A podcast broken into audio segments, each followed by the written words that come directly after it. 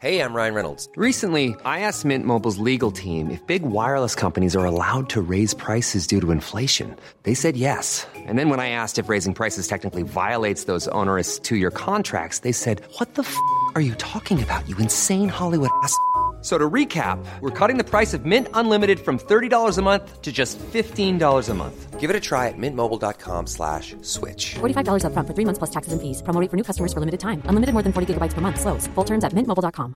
Even on a budget, quality is non-negotiable. That's why Quince is the place to score high-end essentials at 50 to 80% less than similar brands. Get your hands on buttery soft cashmere sweaters from just 60 bucks, Italian leather jackets, and so much more. And the best part about Quince, they exclusively partner with factories committed to safe, ethical, and responsible manufacturing. Elevate your style without the elevated price tag with Quince. Go to quince.com slash upgrade for free shipping and 365-day returns. I'm Sandra, and I'm just the professional your small business was looking for. But you didn't hire me because you didn't use LinkedIn jobs. LinkedIn has professionals you can't find anywhere else, including those who aren't actively looking for a new job but might be open to the perfect role, like me. In a given month, over 70% of LinkedIn users don't visit other leading job sites. So if you're not looking on LinkedIn, you'll miss out on great candidates like Sandra. Start hiring professionals like a professional. Post your free job on linkedin.com slash achieve today. Sent på kvällen den 10 juli 2001 så hittar 20-åriga Sef Gonzales sin mamma, pappa och lilla syster mördade i deras bostad i North Ryde utanför Sydney. I ett panikartat och känslomässigt telefonsamtal försöker Sef förmedla vad som har hänt till larmoperatören. Han förklarar att alla verkar ha blivit skjutna, att det är blod överallt och att han inte vet vad han ska göra. Men det här larmsamtalet skulle senare visa sig vara ett rent skådespel och ett invecklat mönster av manipulativt beteende och lögner skulle snart komma upp till ytan.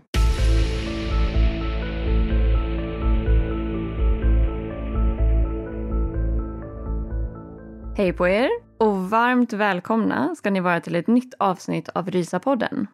Och den här veckan så ska vi ju prata om Sef Gonzales som vid 20 års ålder bestämde sig för att ta livet av sin mamma, pappa och lilla syster i deras egna hem. Så man kan ju verkligen förstå varför det här fallet chockerade en hel nation när det inträffade år 2001. Ja, och än idag anses ju de här morden vara några av de absolut värsta som ägt rum i Australien. Inte bara på grund av de fruktansvärda omständigheterna vid själva mordtillfället och hur det hela gick till, men också på grund av Seth Gonzales beräknande och manipulativa beteenden, både innan men också efter morden. Ja, och eh, vi kommer ju såklart att komma in på allt det här lite senare i avsnittet. Men det finns ju dessutom en viss aspekt som om möjligt faktiskt gör det hela ännu värre. Och det är ju också hur pass ytliga och själviska motiv som faktiskt låg bakom de här morden. Ja, men det är verkligen helt ofattbart. Och som vi alla vet så är det ju ibland väldigt skrämmande vad drömmen om pengar, status och materiella prylar faktiskt kan få människor att ta sig till. Men innan vi kommer till själva delen kopplat till motiv ska vi ju såklart först ta och hoppa tillbaka några steg. Yes, så vi börjar helt enkelt med att gå igenom lite kring Sefs barndom och uppväxt. Och framförallt själva händelseförloppet som slutligen ledde upp till de extremt tragiska morden på Loiva, Teddy och Claudine Gonzales.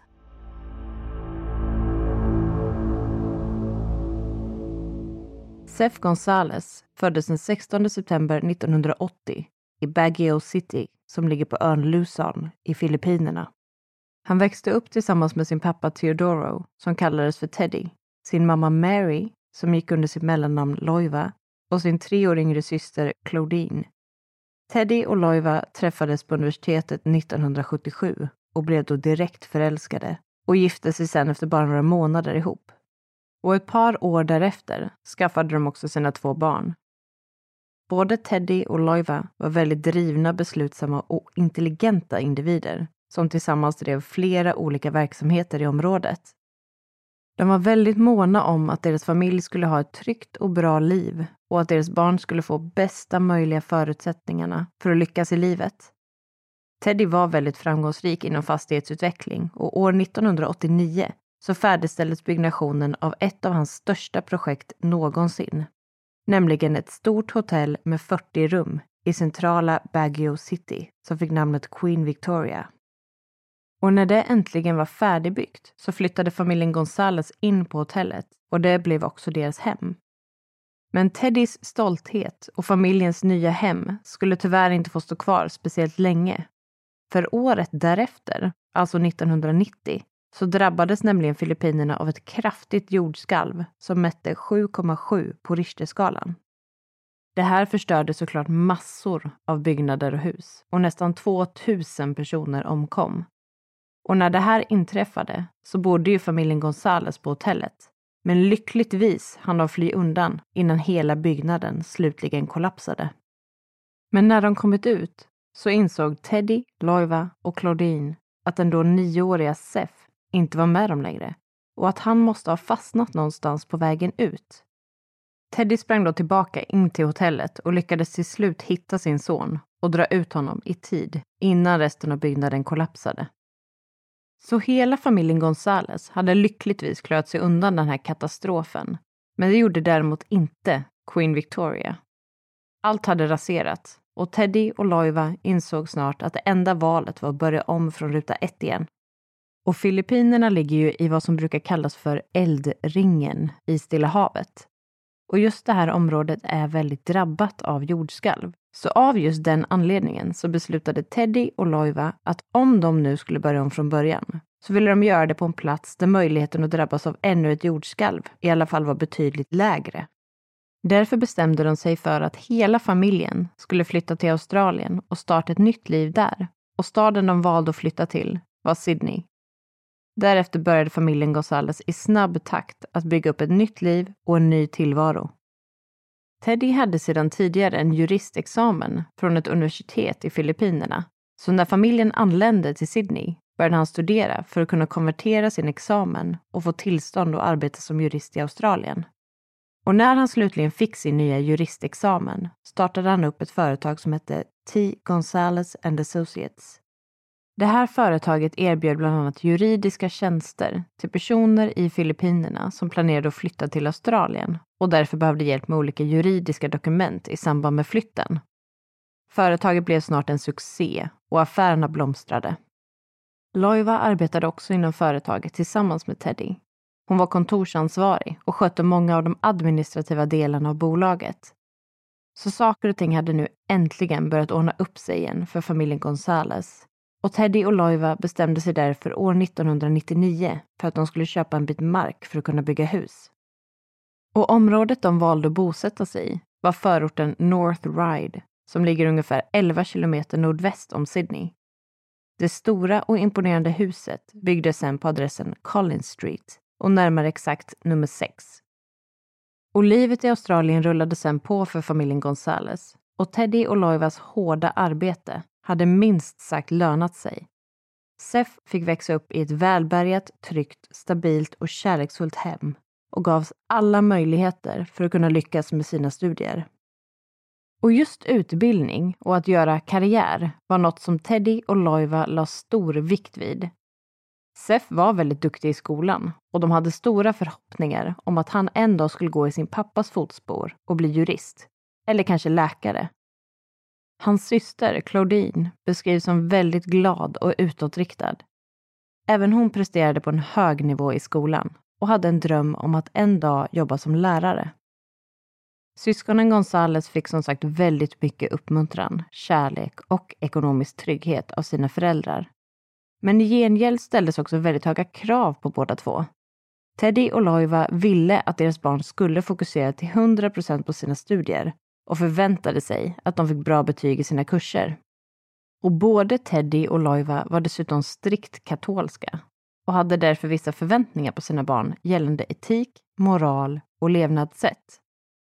Sef hade ett väldigt stort intresse för musik och ska ha haft funderingar om att kanske studera något inom det området. Men hans föräldrar ledde då direkt bort honom från det spåret och sa att han kunde ha det som en hobby vid sidan av sina akademiska studier. Och när det var dags för Sef att välja universitetsutbildning så började han först att studera medicinsk vetenskap vid University of New South Wales. Men efter två år bestämde han att ämnet helt enkelt inte var för honom och började sen istället studera juridik vid det väl ansedda Macquarie University. Men musiken var en fortsatt stor passion för Seth och han var med i pojkbandet Definite Vibes som spelade R&B musik på olika klubbar runt om i Sydney. Och de här spelningarna ska ha lett till att Seth blev mer uppmärksammad av tjejer och ett hängivet fan vid namn Daisy Diaz skapade till och med en hyllningssida till Seth. Där delade hon massor av bilder och skrev inlägg om hur fantastisk, snygg, snäll och talangfull han var. Och Seth fortsatte att prestera på en hög nivå i sina juridikstudier och han jobbade dessutom extra som juristassistent på familjens företag. Teddy och Loiva var extremt stolta och imponerade av sin sons insatser och starka driv och gav honom därför en bil i present. Det var en grön Ford Festiva med en personlig registreringsskylt med Sefs initialer och födelseår. Och den här bilen blev genast Sefs mest älskade ägodel och stolthet. Som bland många andra syskon så fanns det en viss rivalitet mellan Sef och Claudine. Men överlag ska de ändå ha haft en bra relation. Och Sef tog sig ofta an rollen som Claudines beskyddare, bland annat i hennes kärleksliv. När Claudine började träffa en äldre kille så ska Teddy och Loiva ha blivit väldigt upprörda och förbjudit henne att fortsätta relationen eftersom det kunde göra att hon tappade fokus på sina studier. Men när hon vägrade göra slut så skickade de iväg henne till en släkting i Melbourne för att hon skulle kunna slutföra sina high school-studier där, i lugn och ro utan distraktioner. När Claudine fortsatte hålla kontakten med sin pojkvän så klev Seth in i det hela han sa då till den här pojkvännen att han var med i ett farligt gäng och att han skulle hålla sig undan.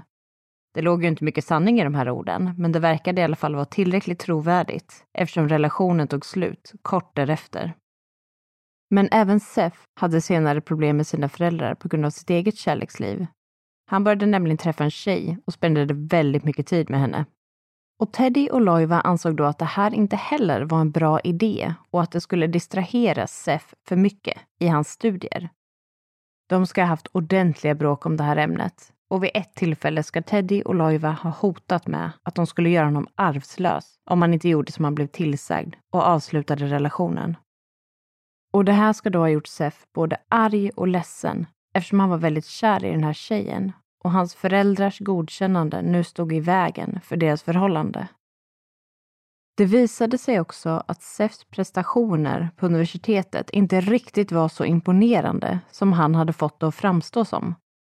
Han hade nämligen börjat prestera dåligt och blivit underkänd i sina juridikkurser och hade därför börjat förfalska sina betyg för att hålla skenet uppe för sina föräldrar.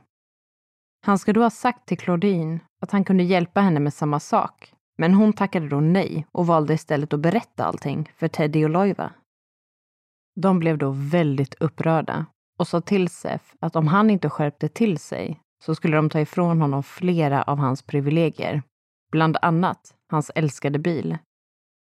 Så man skulle kunna säga att Sefs bekväma tillvaro sakta men säkert nu hade börjat fallera. Och nu är vi framme vid sommaren 2001 och vid den här tidpunkten så var Claudine på besök hemma hos familjen i Sydney eftersom det var uppehåll i skolan. Och den 9 juli firade Claudine sin efterlängtade 18-årsdag medan Seth om ett par månader skulle fylla 21. Och dagen efter firandet, tisdagen den 10 juli, började på samma sätt som vanligt för familjen Gonzales. Teddy och Loiva åkte iväg till jobbet i varsin bil tidigt under morgonen. Claudine skulle vara hemma och plugga hela dagen eftersom hon ett par dagar senare skulle åka tillbaka till skolan i Melbourne. Och Seth åkte som vanligt iväg till universitetet på morgonen för att därefter göra Teddy och Loivas sällskap på kontoret och beta av några timmars extra jobb.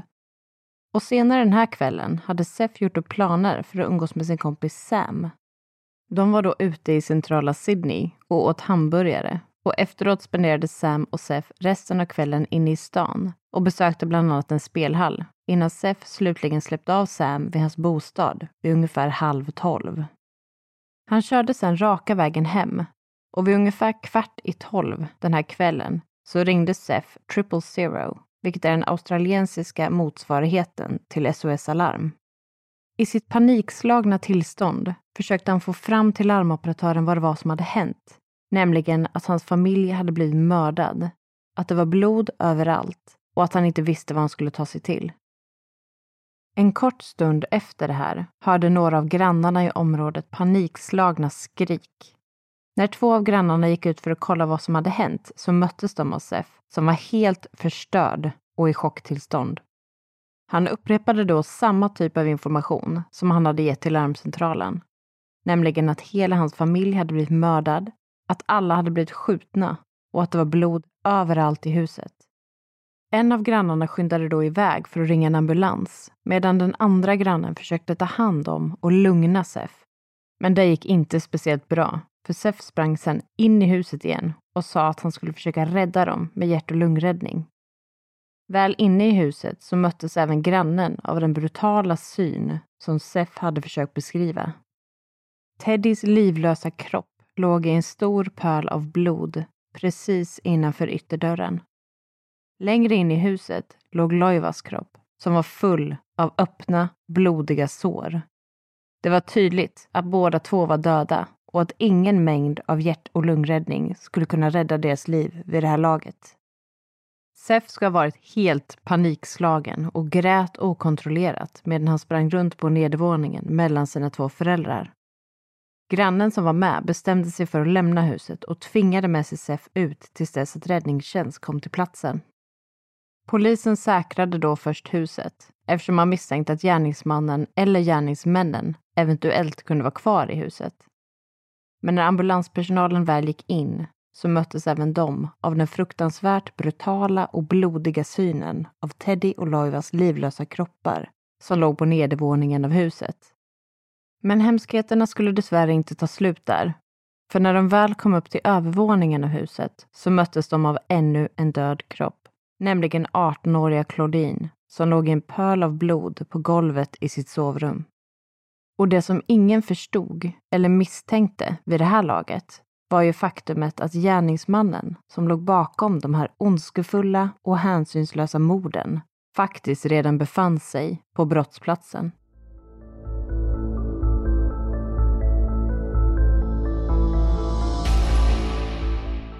Man kunde ganska så snabbt konstatera att inga av de tre offren hade blivit skjutna, utan alla hade blivit knivhuggna till döds. Loiva hade skador från knivhuggen utspridda över i princip hela överkroppen, men framför allt kring ansiktet, halsen, bröstkorgen, ryggen och magen. Några av knivhuggen på Teddy hade bland annat punkterat hans hjärta och lungor och gått in hela vägen till ryggraden. Claudine hade blivit slagen flera gånger i huvudet med ett objekt som senare fastslogs vara ett baseballträ. Hon hade utöver det blivit strypt och knivhuggen flera gånger i nacken och bröstkorgen. Och samtliga tre offer uppges ha haft försvarsskador på bland annat fingrar, händer och armar, vilket indikerade att de hade fått möta sin mördares blick och dessutom försökt kämpa för sitt liv. Vidare undersökning av kropparna och brottsplatsen gjorde till slut att polisen fick fram ett ungefärligt klockslag för varje offers död samt i vilken ordning de hade mördats.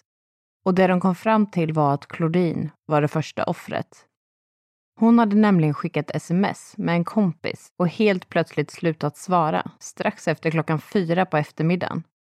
Hon hade blivit attackerad i sitt sovrum och hennes skolböcker låg fortfarande uppslagna på skrivbordet. Ungefär en timme senare, strax innan klockan fem, så slutade Loiva jobbet och ska då först ha skjutsat hem en kollega innan hon begav sig hemåt mot Collins Street. Där blev hon attackerad av gärningsmannen en kort stund efter att hon har kommit in i huset. Teddy däremot hade lämnat kontoret senare, runt 20 över 6 på kvällen. Och polisen kunde utifrån samtalshistoriken på hans mobiltelefon se att han hade försökt ringa på familjens hemtelefon två gånger under bilresan på väg hemåt, men då inte fått något svar. Teddy ska sedan ha blivit attackerad av gärningsmannen så fort han kom innanför dörren. Och det här innebar ju att morden på Claudine, Loiva och Teddy hade utförts inom tidsspannet av ungefär tre timmar och att gärningsmannen troligtvis därför också hade spenderat så pass lång tid inne i huset. och därmed tålmodigt väntat in att både Loiva och Teddy skulle komma hem från jobbet den här kvällen för att kunna slutföra sitt uppdrag. Gällande själva brottsplatsen så var det givetvis de enorma pölarna och fläckarna av blod runt om i huset som till en början stack ut allra mest. Men något annat som var svårt att missa var det som hade hänt med en av väggarna inne i huset. En rasistisk och hatfull text hade nämligen sprayats över en hel vägg med blå graffitifärg. Texten löd “Fuck off asians” och längst ner stod signaturen KKK, alltså förkortningen för Ku Klux Klan. Och det här gjorde ju såklart att polisen direkt misstänkte att det handlade om ett hatbrott riktat specifikt mot familjen Gonzales på grund av deras ursprung. Och om så inte var fallet så ville gärningsmännen i alla fall att polisen skulle tro att det var motivet bakom attacken. SEF ska senare också ha informerat polisen om ett par olika incidenter som familjen varit med om tidigare, som ytterligare stärkte upp den här teorin. En annan av polisens första teorier var att morden hade inträffat i samband med ett rån. North Ride var ändå ett relativt fint område och familjen Gonzales hade det väldigt bra ställt och bodde dessutom i ett stort nybyggt hus. Så det var ju absolut inte otänkbart att någon hade siktet inställt på just deras bostad. En annan anledning till att polisen misstänkte rån var att man tydligt kunde se att både Loivas handväska och Teddys portfölj hade blivit genomsökta och att delar av innehållet hade ramlat ut på golvet. Det fanns också ett blodigt skoavtryck i huset som inte kunde kopplas samman med någon av de tre offren, med Sef eller med någon av de andra personerna som varit inne i huset sedan attacken. Utöver det så hade sladden till hemtelefonen klippts av och det var allmänt stökigt runt om i hemmet, som annars brukade vara i perfekt ordning. Bland annat stod flera av garderobsdörrarna öppna på vid gavel, som om någon hade letat efter någonting där inne. Men även om det var stökigt och kändes som att något definitivt hade hänt i huset så fanns det också flera saker som talade emot att det skulle ha varit ett rån. För det första fanns det inga tydliga tecken på att en potentiell rånare hade försökt bryta sig in genom någon av husets dörrar eller ingångar. Dessutom så fanns det mängder av värdefulla objekt, elektronik, smycken och kontanter runt om i huset som rånaren i sånt fall helt hade missat. Bland annat låg det kvar relativt stora summor med kontanter i Loivas handväska och Teddys plånbok, vilket känns som det första stället en rånare skulle leta efter pengar. En annan aspekt var ju också att tidsspannet för morden estimerades ha varit ungefär tre timmar. Och sannolikheten att en rånare skulle välja att stanna kvar så pass länge i huset och dessutom vänta in de andra familjemedlemmarna känns ju kanske inte heller speciellt hög. Och ju mer polisen undersökte brottsplatsen, desto säkrare blev de på att det här troligtvis inte hade varit ett rån eller hatbrott och att gärningsmannen helt enkelt försökte missleda polisen genom att få brottsplatsen att se ut som om det var det som hade hänt. Bland annat märkte man att Teddys portfölj och Loivas väska inte alls verkade ha tappats på marken under allt tumult, utan snarare att någon noggrant hade placerat väskorna och dess innehåll på golvet i efterhand. Utöver det hittades vatten i badrummet som tydde på att någon hade tagit en dusch där. Och baserat på vattnets egenskaper så ansågs det troligt att det skett senare samma kväll. Alltså att det sannolikt var gärningsmannen snarare än offren som tvättat av sig i duschen. Vilket kanske inte är ett typiskt beteende för en rånare eller inbrottstjuv som snabbt vill fly från brottsplatsen. En annan sak som stack ut på brottsplatsen var att mordvapnet verkade komma inifrån huset. Det var ju dels ett baseballträ inblandat, men framförallt var det en kniv som orsakat de dödliga skadorna på Teddy, Loiva och Claudine. Och polisen noterade att det saknades två knivar från köket som dessutom matchade offrens typ av skador. Och om någon specifikt ville attackera och döda en hel familj borde man då inte ha tagit med sig egna vapen utifrån? Oavsett vad så fanns det nu en hel del frågetecken som polisen behövde reda ut.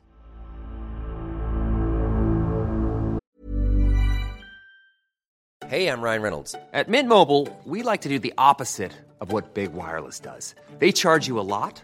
we charge you a little. So naturally, when they announced they'd be raising their prices due to inflation, we decided to deflate our prices due to not hating you. That's right. We're cutting the price of Mint Unlimited from $30 a month to just $15 a month. Give it a try at mintmobile.com slash switch. $45 upfront for three months plus taxes and fees. Promo rate for new customers for limited time. Unlimited more than 40 gigabytes per month. Slows. Full terms at mintmobile.com. Quality sleep is essential. That's why the Sleep Number Smart Bed is designed for your ever evolving sleep needs. Need a bed that's firmer or softer on either side? Helps you sleep at a comfortable temperature? Sleep Number Smart Beds let you individualize your comfort so you sleep better together. JD Power ranks Sleep Number number 1 in customer satisfaction with mattresses purchased in-store. And now, save 50% on the Sleep Number limited edition Smart Bed for a limited time. For JD Power 2023 award information, visit jdpower.com/awards. Only at a Sleep Number store or sleepnumber.com. Hey there, it's Michelle Norris. I'm host of a podcast called Your Mama's Kitchen. When I travel, I'm usually looking for a way to find a taste of home when I'm not at home. And one of the things I love to do when I am at home is entertain. And Airbnb allows me to do that. When I was in California recently, I rented a house that had a great kitchen. And when we were sitting around the table, we're all thinking, we're in someone else's house. Someone could be in all of our homes as well. If you have a home, but you're not always at home, you have an Airbnb. Your home might be worth more than you think. Find out how much at airbnb.com/slash host.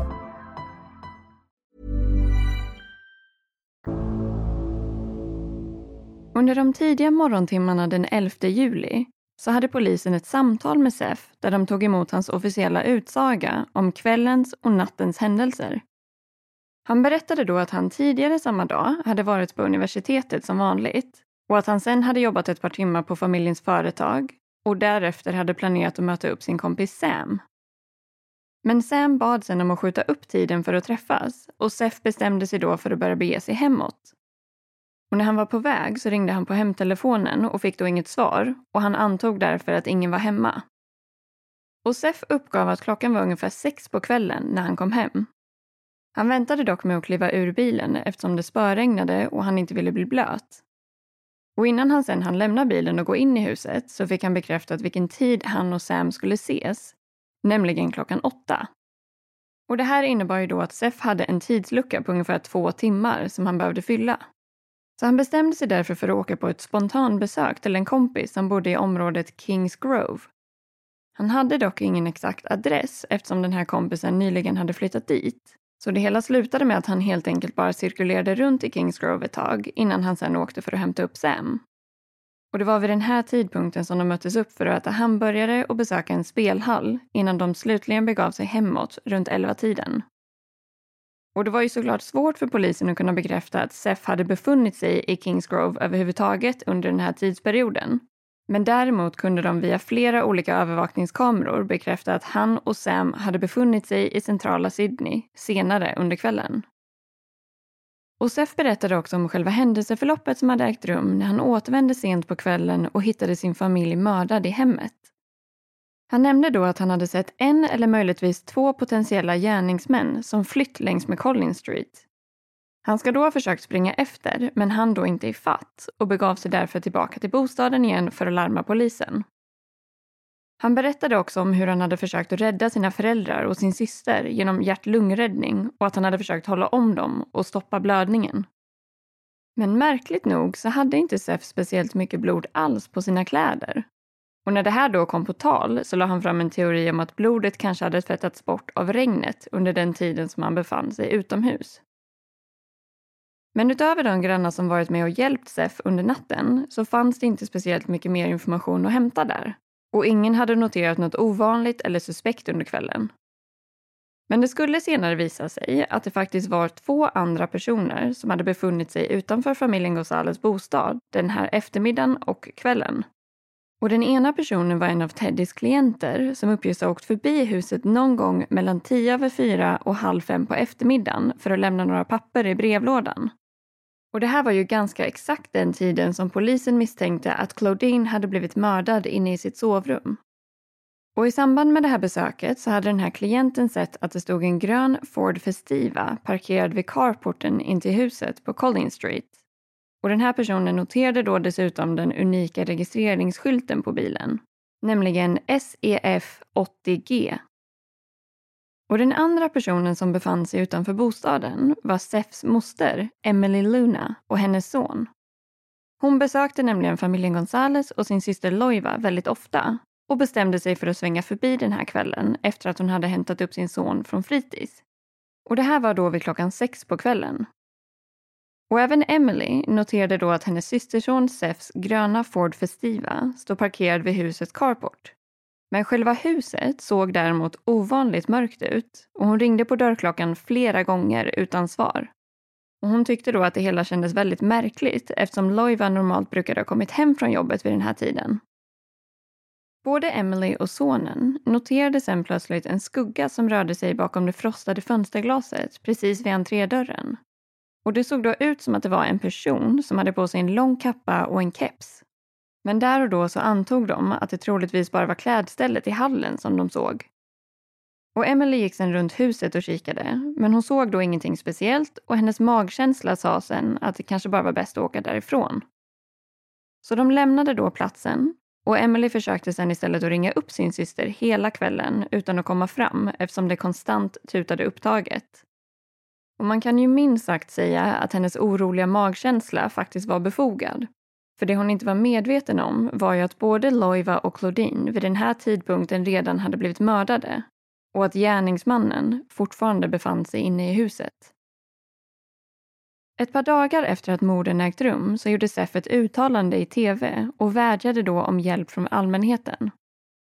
Utöver det erbjöd han en hittelön på 100 000 australiensiska dollar för information som kunde leda till ett gripande. Och i det här uttalandet så pratade Sef med stor inlevelse och kärlek om varje avliden medlem i familjen och han sa då också att allt han ville ha var rättvisa. Och en helt annan sak som hände bara ett par dagar efter morden var att Sef bokade in ett möte med Teddys revisor. Och syftet med det här mötet ska då ha varit att få en uppfattning om det totala värdet av familjens tillgångar. Och det ska sägas att den här familjen satt på en hel del pengar eftersom de drev ett framgångsrikt bolag och ägde fastigheter i både Australien och Filippinerna. Så det totala värdet av alla tillgångar estimerades vara ungefär 1,5 miljoner australiensiska dollar. Och om man utgår ifrån dagens växelkurs så är det ungefär 10 miljoner svenska kronor. Och tio dagar efter morden, alltså den 20 juli 2001, så hölls begravningen för Teddy, Loiva och Claudine Gonzales. Och den här ceremonin hölls i en katolsk kyrka i North Ride. Hundratals personer kom då dit för att ta ett sista farväl av de avlidna familjemedlemmarna och för att stötta Seth, som nu helt plötsligt hade blivit lämnad kvar utan sin älskade mamma, pappa och lilla syster. Under ceremonin hölls flera tal där släkt och vänner hyllade Teddy, Loiva och Claudine och beskrev sina käraste minnen från den tiden som de fått tillsammans. Och det blev sedan dags för Sef att hålla sitt tal. Med stor inlevelse och känsla beskrev Sef hur mycket han älskade sin familj och att allt det nu hade tagits ifrån honom. Bland annat beskrev han att Teddy alltid hade varit hans hjälte och mentor i livet och att han mindes att han som barn brukade ligga på sin pappas bröst och lyssna till hans hjärtslag. Efter talet så började Sef till många gästers förvåning att sjunga rb låten One Sweet Day av Mariah Carey och Boys to Men. Och även om det här spontant känns som en fin och modig gest så uppges flera av gästerna på begravningen ha tyckt att hela den här situationen kändes lite märklig och obehaglig på något vis. Och många hade svårt att förstå hur Sef kunde stå framför de här tre kistorna och alla anhöriga i kyrkan och samtidigt hålla sig lugn nog och sjunga hela den här låten felfritt utan att bryta ihop en enda gång. Och vissa av gästerna på begravningen ska dessutom ha noterat att Seth absolut såg ledsen ut under ceremonin, men att han i princip grät utan att det faktiskt kom några tårar. Och Det här var ett beteende som vissa ur polis och ambulanspersonalen också hade noterat hos Seth när de anlände sent på kvällen efter att han hade larmat triple zero. Och Det här framkallade därför en del spekulationer kring om Sefs känslor och panikartade beteende kanske inte var så genuint som det först verkade. För polisens utredare var det dock fortfarande väldigt oklart vem eller vilka som kunde haft motiv att vilja döda de tre familjemedlemmarna. Seth berättade för polisen att han var övertygad om att motivet på något sätt var kopplat till Teddys affärspartners, antingen i Australien eller i Filippinerna. Hans teori var då att det kanske handlade om rivalitet och att någon ville hämnas på Teddy genom att skada familjen. Och ett tag efter att morden ägt rum så lämnade Seth in ett utskrivet mejl till polisen som han hade tagit emot. I det här mejlet framgick det att den anonyma avsändaren hade blivit anlitad för att döda tre medlemmar av familjen och att Seth bara hade haft turen att slippa undan. Han uttryckte därför att han nu var orolig för sin egen säkerhet och att han trodde att någon var ute efter honom. Polisen utredde dock alla potentiella konkurrenter och affärspartner som eventuellt kunde ha velat skada Teddy och förstöra hans verksamhet.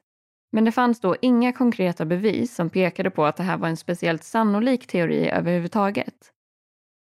Sakta men säkert började sedan utredningen att ta en ny vändning med en misstanke som skulle komma att växa sig allt starkare mot den enda överlevande personen i familjen Gonzales, det vill säga Seth.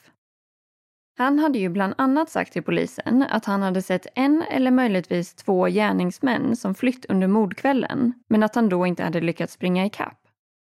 Och när polisen sen gick igenom alla detaljer kring Sefs beskrivning vid en rekonstruktion så insåg de att det helt enkelt inte kunde stämma och att det snarare verkade som att det var påhittat. Och vid en genomsökning av Sefs sovrum så hittades en skokartong tillhörande en modell som matchade det blodiga skoavtrycket som hade hittats i huset. De hittade dock aldrig själva skorna och Sef var snabb med att erbjuda en förklaring om att det inte var hans och att det var Teddy som hade köpt skorna. Men polisen hittade också en liten blå färgfläck på Sefs tröja och efter att den hade skickats för analys kunde man konstatera att färgen var av en liknande typ som den blåa färg som hade sprayats på väggen inne i huset.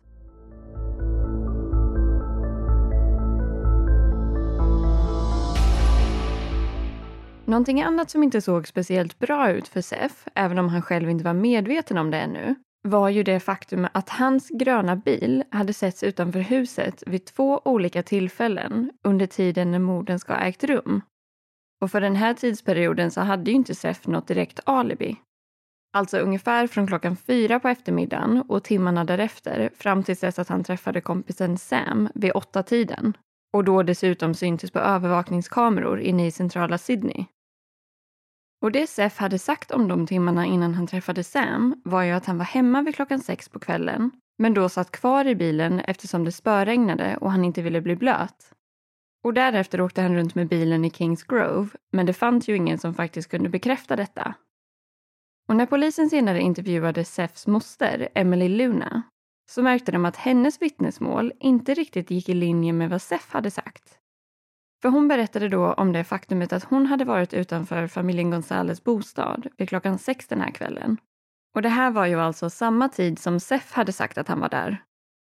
Och Emily hade då som sagt noterat Sefs gröna bil i carporten, men däremot var hon också helt säker på att ingen satt i bilen vid den tidpunkten.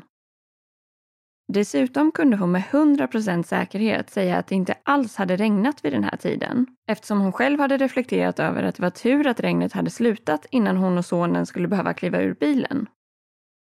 Och Emily hade från dag ett varit väldigt stöttande och förstående gentemot sin unga systerson Seth. Men när hon senare insåg att Seth i förhör sagt att han varit hemmavid och suttit i bilen klockan sex och att han dessutom hade sagt att det ösregnade vid den här tiden så kunde hon inte längre blunda för det faktumet att han ljög. Hon började då samarbeta med polisen för att försöka få fram mer information eller ett potentiellt erkännande från SEF. Men ingenting som han yttrade i deras privata samtal talade för att han skulle vara skyldig. Och i samband med att polisen intervjuade Sefs vänner och bekanta så började fler och fler lögner komma upp till ytan. Sef ska nämligen bland annat ha påstått att han drev en modellagentur att han var personlig tränare, världsmästare i olika kampsporter, att han var musikproducent och en framgångsrik advokat. Och Sef ska också ha påstått att han hade drabbats av cancer men mirakulöst nog lyckats återhämta sig. Och efter begravningen ska han dessutom ha sagt att han blev erbjuden ett skivkontrakt efter sitt fantastiskt rörande sångframträdande vid ceremonin. Och inget av det här var ju såklart sant. Utan Sef hade helt enkelt under en väldigt lång tid byggt upp en egen fantasivärld full av lögner och falsk information. Och månaderna efter morden, alltså under hösten 2001, så flyttade Sef in i en egen lägenhet i området Chatswood. Han valde också att sälja sina föräldrars bilar och några av Loivas smycken, vilket gav honom en hel del pengar att röra sig med. Och utöver det så la han en handpenning på två olika bilar. En Porsche och en Lexus. Och Sef ska då ha förklarat för den här bilförsäljaren att han inväntade ett stort arv från en utländsk släkting och att han skulle betala av resten av summan när han väl fick tillgång till pengarna. Han hörde också av sig till sin moster som hade hand om Teddys investeringar i Filippinerna. Och Sef sa då att han var svårt sjuk och behövde en stor summa pengar för att kunna betala för operationen. Men hon tyckte då att det här lät väldigt konstigt och valde istället att kontakta polisen och berätta om systersonens märkliga förfrågan. Polisen hade senare också valt att beslagta Sefs dator från brottsplatsen och de lyckades då med att återställa sökhistorik och filer som tidigare hade raderats. Och det visade sig då att Sef hade ljugit om ännu fler saker. Bland annat hittade man ett dokument som visade sig vara det här hotfulla mejlet som Sef påstod sig ha fått och lämnade in till polisen tidigare. Han hade alltså komponerat ihop det här mejlet helt på egen hand. Och det visade sig också att hans mest hängivna fan, Daisy Diaz, inte fanns på riktigt. Utan att det var Sef själv som hade skapat och drivit den här hemsidan och kontinuerligt skrivit inlägg om hur fantastisk, snygg och talangfull han var. Utöver det här så hittade polisen också en hel del oroväckande sökhistorik kopplat till giftiga frön och växter som sträckte sig så långt bak som början av 2001, alltså ungefär ett halvår innan morden ägde rum. Sef hade dessutom beställt hem några av de här fröna som vid rätt dosering definitivt kunde vara dödliga. Och i juli månad, ungefär en vecka innan morden ägde rum, så togs Loiva in för behandling på sjukhuset och hennes symptom ska då ha visat på att hon hade drabbats av någon form av matförgiftning. Men det skulle senare visa sig att de här symptomen också stämde överens med att Loiva hade blivit förgiftad av just de här fröna. Polisen började därför misstänka att Sef hade försökt förgifta sin familj, men då hade misslyckats och på grund av det här istället hade hittat ett annat tillvägagångssätt. Man kunde också genom fingeravtryck bevisa att Sef tidigare hade skickat ett anonymt brev till en matproducent där han fick det att framstå som att brevet var skrivet av en upprörd medarbetare. Och I det här brevet stod det att ett antal av den här producentens produkter hade förgiftats och att de aldrig skulle kunna hitta just de burkarna innan någon dog. Brevet avslutades sen med meningen “Så här går det när man behandlar sina anställda som skit”. Och polisen misstänkte då att det här brevet ska ha varit en täckmantel för att det här företaget skulle åka fast istället för Sef själv i samband med hans plan att förgifta sin familj.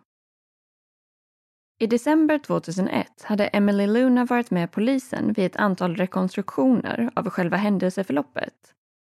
Utifrån deras detaljerade beskrivningar var hon nu helt övertygad om att det faktiskt var en person som han hade sett bakom det frostade glaset vid ytterdörren den 10 juli. Det kunde alltså inte ha varit ett klädställ som hon och sonen först hade trott, utan en livslevande människa som hade på sig en lång kappa och en keps. Och både hon och polisen var nu starkt övertygade om att det var Sef. Men däremot behövde de fortfarande få fram mer konkret information för att kunna bevisa den här teorin. Polisen informerade sen Sef om att de inte ansåg att hans alibi var trovärdigt nog och de hade dessutom en anställd som jobbade under täckmantel och hade i uppgift att medvetet läcka utvald information till SEF. Bland annat faktumet att två olika vittnen hade sett hans gröna Ford Festiva utanför huset vid fyra tiden och vid sextiden. Och SEFs reaktion blev ungefär vad polisen hade väntat sig. Det vill säga total panik över att polisen inte trodde på hans alibi. Han började i ren desperation dra i alla möjliga trådar för att försöka få ihop ett nytt alibi som inte skulle kunna ifrågasättas och som dessutom kunde förklara faktumet att hans gröna Ford Festiva stått parkerad utanför huset under eftermiddagen. Men Seth berättade i alla fall för polisen att han hade ljugit och att han inte alls hade åkt omkring i Kings Grove som han tidigare hade sagt. Han förklarade också att sanningen var att han hade varit och träffat en prostituerad kvinna på en bordell men att han skämdes för mycket för att erkänna det och därför hittade på en annan version av vad som hänt. Familjen Gonzales och deras släkt var ju som sagt djupt troende katoliker och han hade inte hjärta att erkänna för dem att han inte var oskuld och att han dessutom hade köpt sex. Och han förklarade också att anledningen till att hans gröna Ford Festiva stod på uppfarten den här dagen var att han tog en taxi dit istället för att använda sin egen bil. Och det här ska ha varit eftersom att han var rädd att någon bekant skulle se bilen i närheten av den här bordellen. Men det Sef inte visste var att polisen vid det här laget också lyssnade av hans mobiltelefon. Och de kunde därför bevisa att Sef panikartat ringde runt till olika bordeller i syfte att hitta en kvinna som kunde passa för att ge honom ett trovärdigt alibi. Han försökte dessutom att muta en taxichaufför till att ljuga och säga att han kört Sef till bordellen under eftermiddagen. Men det här gick då inget vidare och alla hans lögner hade nu börjat komma ikapp honom. Osef greps av polisen den 13 juni 2002 som huvudmisstänkt för de hänsynslösa morden på Teddy, Loiva och Claudine. Han åtalades då för samtliga tre mord och för att ha hotat matproducenten kring förgiftning av deras produkter. Och själva rättegången ägde rum under våren 2004 och åklagaren Mark Tedeschi hävdade att Seth Gonzales hade planerat morden på sin familj under flera månaders tid. Och efter att han hade misslyckats med förgiftningen så bestämde han sig istället för att knivhugga sin egen mamma, pappa och syster till döds. Och den generella förklaringen till Seths motiv för morden ska ha grundat sig i att han kände att hans liv höll på att falla sönder och samman. Sefs familj hade förstört hans förhållande, hotat att göra honom arvlös och ta ifrån honom alla hans privilegier, bland annat hans älskade bil. Och det här var han absolut inte villig att riskera eller acceptera. Och det huvudsakliga motivet för att döda sin lilla syster Claudine uppges ha varit eftersom att han helt enkelt inte ville dela på summan av arvet och familjens totala tillgångar med henne. Och Sef fick genomgå flera psykiatriska utredningar men det fanns ingenting som indikerade att han skulle ha lidit av någon allvarlig psykisk störning vid tidpunkten för morden. Och trots att polisen aldrig lyckades hitta själva mordvapnet så fanns det fortfarande enorma mängder av bevis för åklagarsidan att använda sig av under rättegången. I kombination med de olika vittnesmålen och Sefs lögnaktiga och manipulativa beteende för att vilseleda polisen så förekom det inte någon osäkerhet bland juryns medlemmar. Och den 20 maj år 2004, dagen efter att han fyllt 24 år, så dömdes han till tre livstidsstraff utan möjlighet till frigivning. Och när den här domen lästes upp så ska Seff ha blivit chockad eftersom att han under hela rättegången hävdat att han absolut var skyldig till att ha ljugit om vissa detaljer, men inte för att ha mördat sin egen familj. Och resterande delar av Gonzales-släkten, inklusive Sefs moster Emily Luna, ska efter rättegången ha sagt att de var tacksamma för att rättvisa äntligen hade skipats men att det såklart var extremt svårt att inse och acceptera faktumet att det var just Sef som låg bakom alltihop. Och Sef försökte sen att överklaga sin dom år 2007 men hans ansökan blev då avslagen. Och idag avtjänar han fortfarande sitt straff vid högsäkerhetsfängelset Goulburn Correctional Center. Och Sef Gonzales har ända sedan den där tragiska kvällen den 10 juli 2001 fortsatt att hävda att han är oskyldig.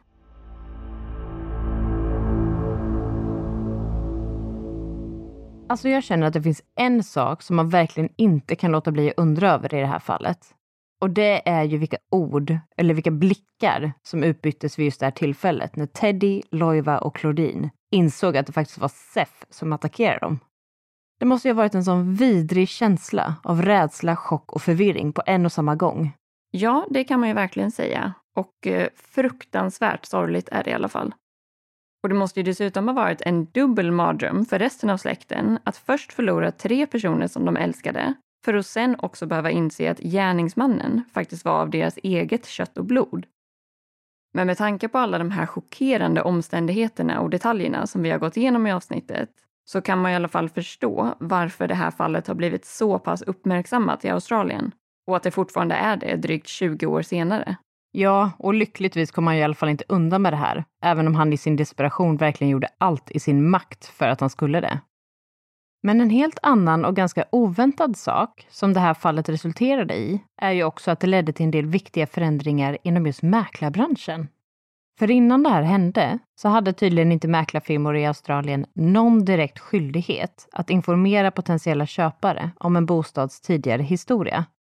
Och familjen Gonzales hus på Collins Street lades nämligen ut för försäljning efter att morden ägt rum. Och då angav ju naturligtvis inte mäklarfirman någonting om vad som faktiskt hade inträffat i det här huset. Men det var ju såklart väldigt många i området som hade koll på det ändå, så det tog därför flera år innan det slutligen såldes. Och det paret som då köpte huset var inte från Sydney och hade ingen aning om att tre brutala mord hade ägt rum i deras nya drömhem. Utan det fick de istället reda på via media vid ett senare tillfälle. Och efter det här så blev det lite av en juridisk tvist mellan det här paret och mäklarfirman. Och till slut lyckades de i alla fall få tillbaka större delen av sina pengar och mäklarfirman blev dessutom bötfällda för oetiskt agerande i samband med den här försäljningen. Och efter allt det här så beslutade den australiensiska regeringen om att införa en ny lag som innebär att mäklare enligt lag måste offentliggöra information om en bostadshistoria om det kan tänkas ha en påtaglig effekt på bostadens värde. Som exempelvis då i det här fallet. Ja, och vad vi har kunnat läsa oss till så såldes ju familjen Gonzales hus igen vid ett senare tillfälle. Och då var det dessutom till en familj som var fullt medvetna om bostadens historia och det här var ju lite av ett sidospår i det här fallet, men eh, vi tyckte ändå att det var lite intressant att veta att det var så det gick till. Och eh, med det ska vi faktiskt ta och sätta punkt för det här avsnittet. Men enligt ny rutin är vi såklart tillbaka igen redan nästa vecka. Och som alltid säger vi stort tack för att just du har valt att lyssna på det här avsnittet av Rysapodden.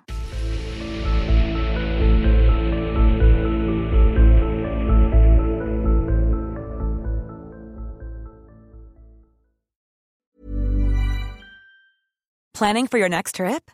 Elevate your travel style with Quince. Quince has all the jet setting essentials you'll want for your next getaway, like European linen, premium luggage options, buttery soft Italian leather bags, and so much more. And is all priced at 50 to 80% less than similar brands. Plus, Quince only works with factories that use safe and ethical manufacturing practices. Pack your bags with high-quality essentials you'll be wearing for vacations to come with Quince. Go to quince.com slash pack for free shipping and 365-day returns. Hold up. What was that? Boring. No flavor. That was as bad as those leftovers you ate all week. Kiki Palmer here, and it's time to say hello to something fresh and guilt-free. Hello Fresh. Jazz up dinner with pecan-crusted chicken or garlic butter shrimp scampi. Now that's music to my mouth. Hello Fresh. Let's get this dinner party started. Discover all the delicious possibilities at hellofresh.com.